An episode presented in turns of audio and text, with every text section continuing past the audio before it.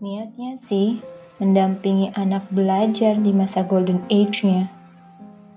Tapi kenapa ya tanduk keluar terus kalau lagi temani mereka belajar?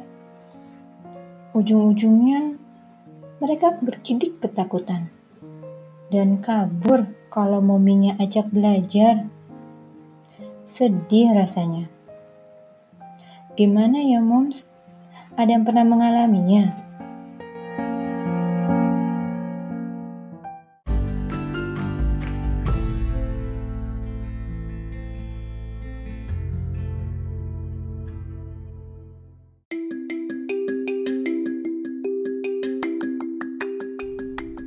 Assalamualaikum warahmatullahi wabarakatuh. Hai moms kece, momi kreatif dan cerdas. Welcome to podcast Mommy Princess. Di sini kita akan belajar bersama bagaimana menjadi guru yang asik untuk anak-anak kita. Let's go learn together with our kids with love. Bersama saya Nur Heidi Adityani.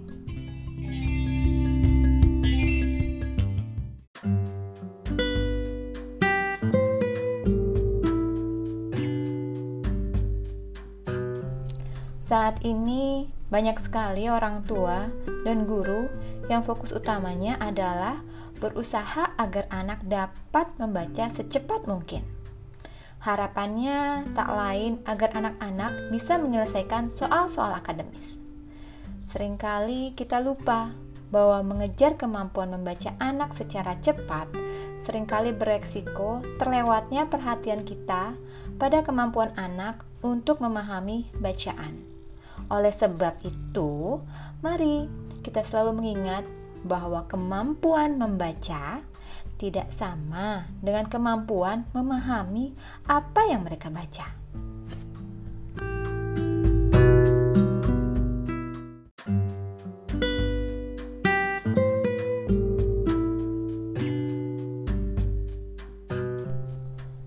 Ketidakpahaman orang tua dan guru mengenai pentingnya anak memahami apa yang ia baca membuat banyak sekali anak-anak tumbuh dengan kemampuan memahami bacaan yang sangat rendah. Anak sekedar bisa membaca, padahal ia tidak memahami apa yang ia baca. Jika hal ini terjadi, bagaimana mungkin ia akan menikmati aktivitas membaca? Jika tidak memahami dan menikmati aktivitas membaca atau yang biasanya kita sebut belajar, bagaimana mungkin aspek akademisnya akan terbantu. Wah, jika demikian, tujuan utama orang tua dan guru tadi yang ingin mengejar aspek akademis malah tidak tercapai ya, moms.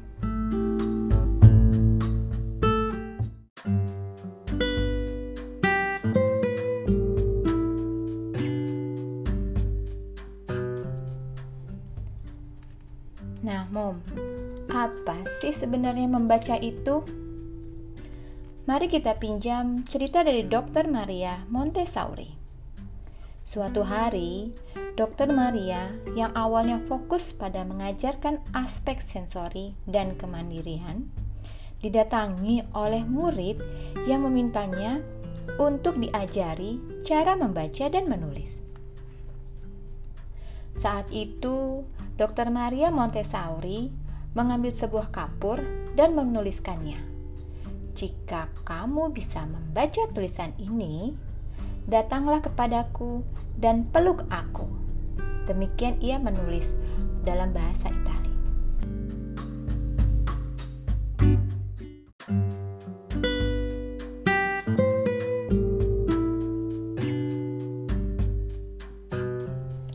Setelah itu, Dr. Maria Montessori mulai memperkenalkan bunyi huruf kepada murid-muridnya dan mengorelasikan bunyi huruf tersebut dengan benda-benda yang ada di sekitar anak.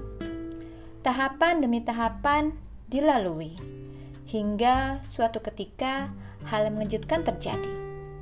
Seorang murid tiba-tiba berlari dan memeluk Dokter Maria sambil berujar, "Sekarang Aku bisa membaca. Peristiwa tersebut menunjukkan bahwa penting sekali memastikan anak memahami yang ia baca, bukan sekedar membunyikan huruf saja. Karenanya, seorang anak dianggap sudah bisa membaca ketika ia dapat mengkorelasikan kata yang ia baca dengan maknanya. Bukan sekedar bisa membunyikan huruf moms.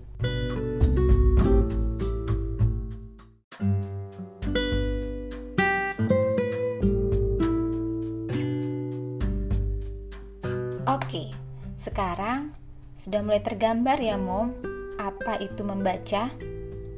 Dalam metode Montessori, seorang anak dianggap telah dapat membaca ketika ia dapat mengkorelasikan rangkaian huruf yang ia baca dengan maknanya. Sekarang, kapan sih Mom waktu yang tepat mengajari anak membaca? Banyak guru dan orang tua berpikir bahwa pengajaran baca tulis itu dimulai pada usia TK atau prasekolah. Pemikiran ini ternyata kurang tepat, Moms.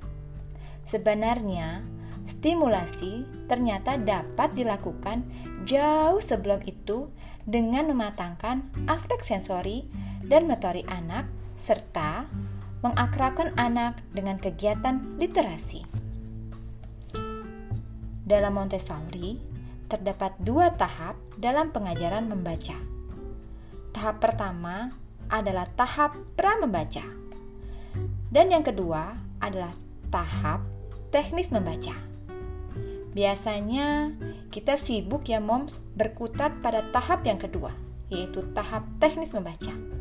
Sementara kunci utama kesuksesan anak dapat membaca ternyata justru ada pada tahap pra membaca.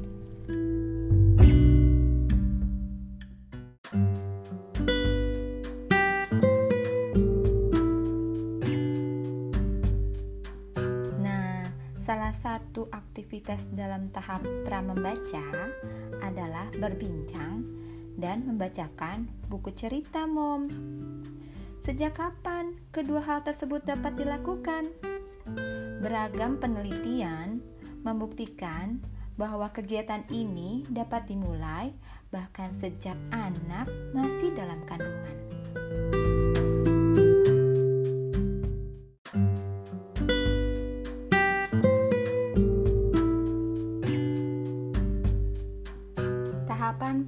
Membaca lainnya adalah menstimulasi agar anak mampu duduk dengan tenang dan berkonsentrasi saat membaca.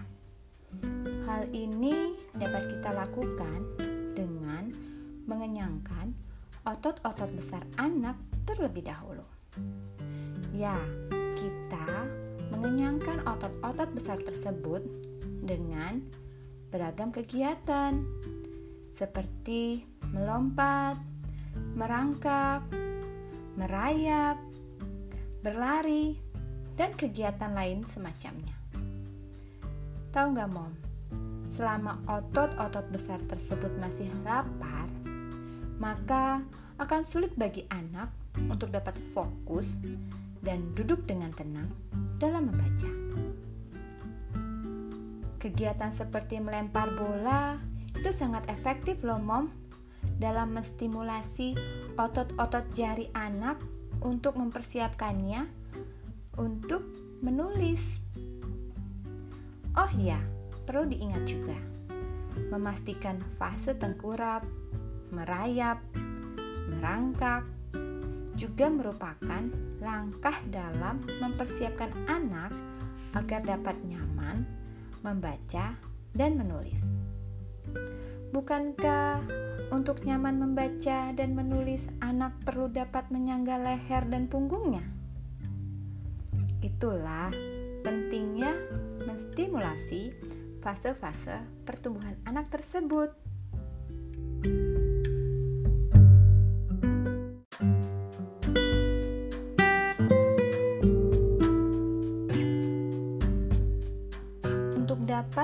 dan membaca, anak perlu juga dapat mengkoordinasikan mata dan tangannya. Ya, kita perlu melatih mereka untuk mengkoordinasikan mata dan tangannya dengan baik. Kita bisa menstimulasinya dengan cara mengajak anak untuk makan sendiri, menuangkan atau memasukkan benda ke dalam wadahnya, meronce, memukul palu pada paku, dan kegiatan sejenisnya adalah contoh-contoh kegiatan untuk melatih koordinasi mata dengan tangan. Oh ya mom, jangan lupa melatih anak membedakan bentuk, tekstur, ukuran, berat, serta arah benda juga merupakan kegiatan penting yang tak boleh terlewatkan. Hal ini merupakan salah satu kunci persiapan saat anak mulai mengenal huruf-huruf. Anak yang terlatih membedakan beragam objek dengan indranya akan lebih mudah mengenali perbedaan bentuk-bentuk huruf seperti huruf A dan O, M dan N maupun B, P, D, Q, dan G yang bentuknya mirip-mirip.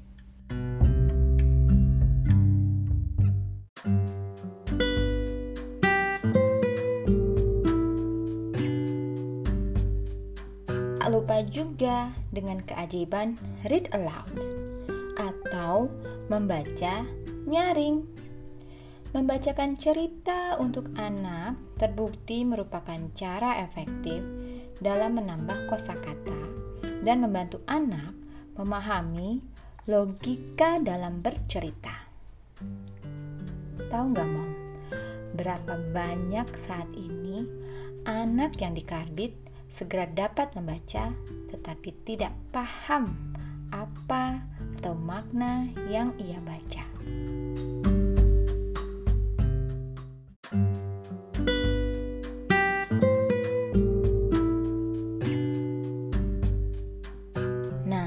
Bagaimana, Mom?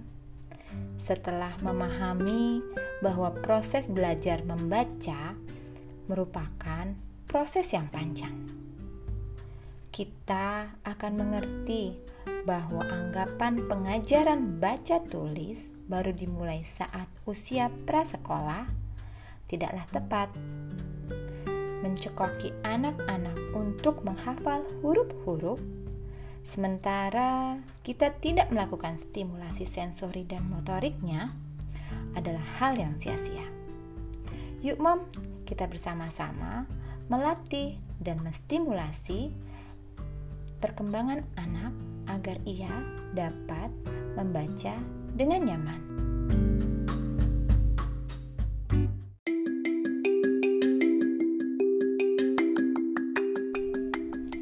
Semoga Sharing kali ini sedikit mencerahkan ya moms. So, untuk para moms kece tidak akan lagi bertanduk saat mendampingi anak-anak belajar membaca. Karena kita sudah paham ya mom, proses belajar membaca adalah proses yang panjang. Dan perlu diingat, tanamkan dalam diri kita bahwa kemampuan membaca tidak sama dengan kemampuan memahami apa yang dibaca proses belajar membaca merupakan proses panjang, sehingga kita tidak terdorong untuk terburu-buru mengharuskan anak untuk segera bisa membaca. Yuk moms, buat belajar membaca ini menjadi menyenangkan? Ya, dengan sabar melalui tahap-tahap proses belajar membaca agar kelak anak-anak menjadi pribadi pembelajar sepanjang hayatnya.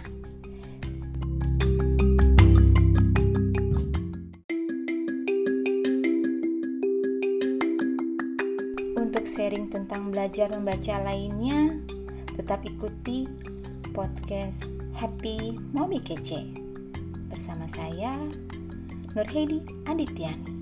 Wassalamualaikum warahmatullahi wabarakatuh.